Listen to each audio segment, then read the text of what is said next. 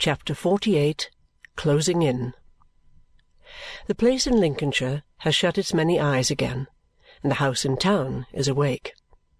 In Lincolnshire the Dedlocks of the past doze in their picture frames, and the low wind murmurs through the long drawing room as if they were breathing pretty regularly. In town the Dedlocks of the present rattle in their fire eyed carriages through the darkness of the night, and the Dedlock Mercuries, with ashes or hair powder on their heads, symptomatic of their great humility, loll away the drowsy mornings in the little windows of the hall. The fashionable world, tremendous orb, nearly five miles round, is in full swing, and the solar system works respectfully at its appointed distances. Where the throng is thickest where the lights are brightest, where all the senses are ministered to with the greatest delicacy and refinement, Lady Dedlock is.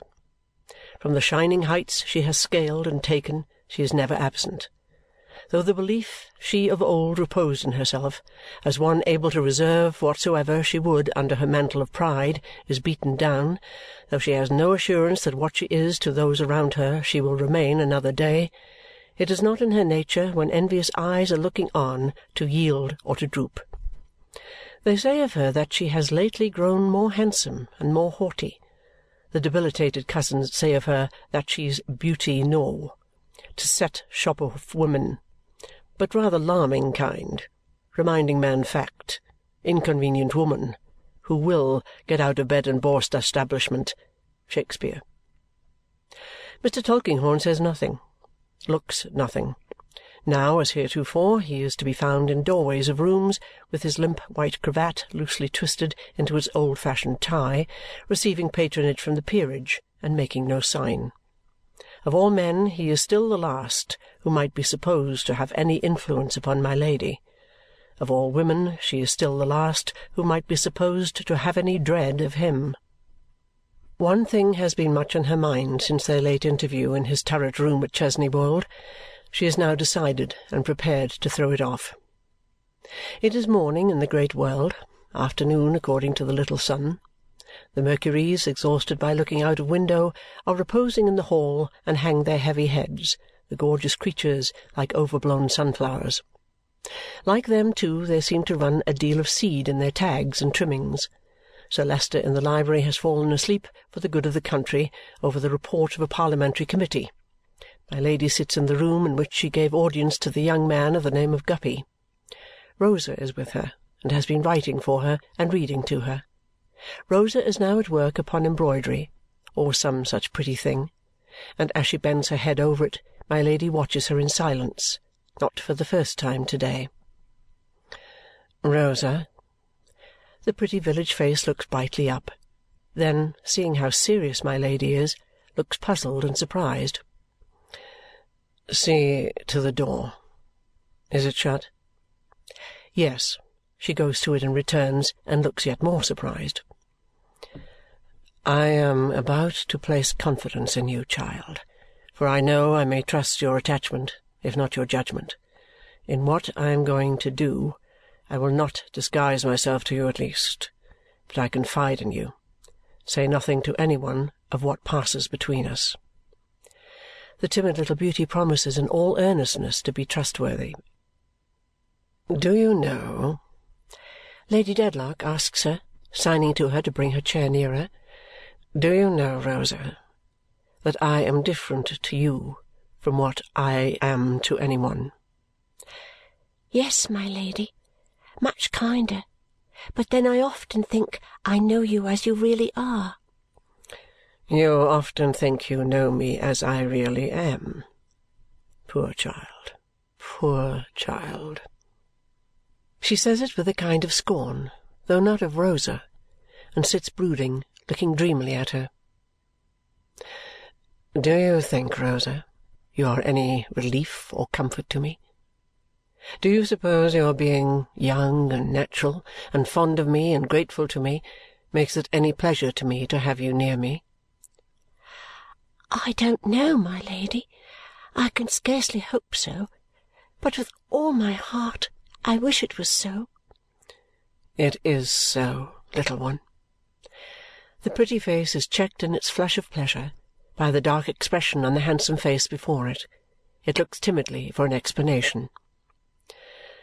And if I were to say to-day, Go, leave me, I should say what would give me great pain and disquiet, child, and what would leave me very solitary. Oh, my Lady, have I offended you? In nothing. Come here. Rosa bends down on the footstool at my Lady's feet. My Lady, with that motherly touch of the famous ironmaster night, lays her hand upon her dark hair and gently keeps it there.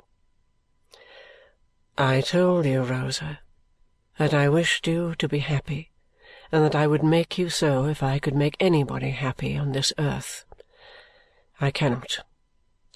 There are reasons now known to me, reasons in which you have no part, rendering it far better for you that you should not remain here. You must not remain here.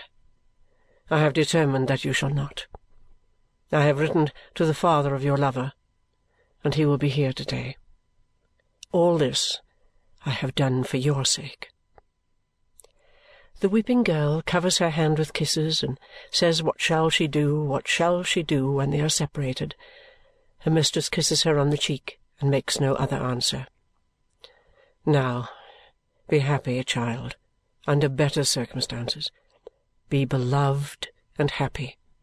Ah, my Lady, I have sometimes thought, forgive my being so free, that you are not happy. I? Will you be more so when you have sent me away? Pray, pray think again. Let me stay a little while. I have said, my child, that what I do, I do for your sake, not my own. It is done. What I am towards you, Rosa, is what I am now, not what I shall be a little while hence. Remember this, and keep my confidence. Do so much for my sake, and thus all ends between us. She detaches herself from her simple-hearted companion and leaves the room. Late in the afternoon, when she next appears upon the staircase, she is in her haughtiest and coldest state, as indifferent as if all passion, feeling, and interest had been worn out in the earlier ages of the world and had perished from its surface with its other departed monsters. Mercury has announced Mr. Rouncewell which is the cause of her appearance. Mr. Rouncewell is not in the library, but she repairs to the library. Sir Leicester is there, and she wishes to speak to him first. Sir Leicester, I am desirous, but you are engaged. No, dear, no, not at all. Only Mr. Tulkinghorn. Always at hand, haunting every place. No relief or security from him for a moment. I beg your pardon, Lady Dedlock. Will you allow me to retire?" With a look that plainly says, "You know you have the power to remain if you will," she tells him it is not necessary and moves towards a chair. Mr. Tulkinghorn brings it a little forward for her with his clumsy bow and retires into a window opposite. Interposed between her and the fading light of day in the now quiet street, his shadow falls upon her, and he darkens all before her even so does he darken her life. It is a dull street under the best conditions, where the two long rows of houses stare at each other with that severity that half a dozen of its greatest mansions seem to have been slowly stared into stone rather than originally built in that material. It is a street of such dismal grandeur, so determined not to condescend to liveliness, that the doors and windows hold a gloomy state of their own in black paint and dust and the echoing mews behind have a dry and massive appearance, as if they were reserved to stable the stone chargers of noble statues. Complicated garnish of ironwork entwines itself over the flights of steps in this awful street, and from these petrified bowers extinguishers for obsolete flambeaux gasp at the upstart gas. Here and there a weak little iron hoop through which bold boys aspire to throw their friends' caps, its only present use retains its place among the rusty foliage, sacred to the memory of departed oil. Nay, even oil itself, yet lingering at long intervals in a little absurd glass pot with a knob in the bottom like an oyster, blinks and sulks at newer lights every night, like its high and dry master in the House of Lords. Therefore there is not much that Lady Dedlock, seated in her chair, could wish to see through the window in which Mr. Tulkinghorn stands. And yet, and yet, she sends a look in that direction, as if it were her heart's desire to have that figure moved out of the way. Sir Leicester begs his lady's pardon. She was about to say, "Only that Mr. Rouncewell is here. He has called by my appointment and that we had better make an end of the question of that girl. I am tired to death of the matter." "What can I do to assist?" Demands Sir Leicester in some considerable doubt. "Let us see him here and have done with it. Will you tell them to send him up?" "Mr. Tulkinghorn, be so good as to ring. Thank you. Request?" says Sir Leicester to Mercury, not immediately remembering the business term. "Request the iron gentleman to walk this way." Mercury departs in search of the iron gentleman, finds, and produces him. Sir Leicester receives that ferruginous person graciously. "I hope you are well, Mr. Rouncewell. Be seated. My solicitor, Mr. Tulkinghorn.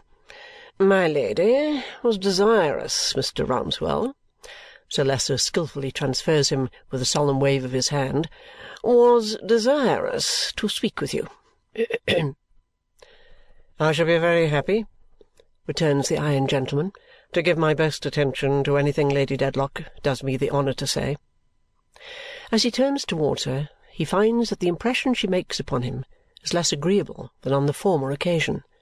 A distant, supercilious air makes a cold atmosphere about her and there is nothing in her bearing, as there was before, to encourage openness. "Pray, sir," says Lady Dedlock listlessly, "may I be allowed to inquire whether anything has passed between you and your son respecting your son's fancy?" It is almost too troublesome to her languid eyes to bestow a look upon him as she asks this question. "If my memory serves me, Lady Dedlock, I said, when I had the pleasure of seeing you before that I should seriously advise my son to conquer that fancy." The ironmaster repeats her expression with a little emphasis. "And did you?" "Oh, of course I did." Sir Leicester gives a nod, approving and confirmatory. Very proper. The iron gentleman, having said that he would do it, was bound to do it. No difference in this respect between the base metals and the precious. Highly proper. "And pray has he done so?" "Really, Lady Dedlock, I cannot make you a definite reply. I fear not. Probably not yet.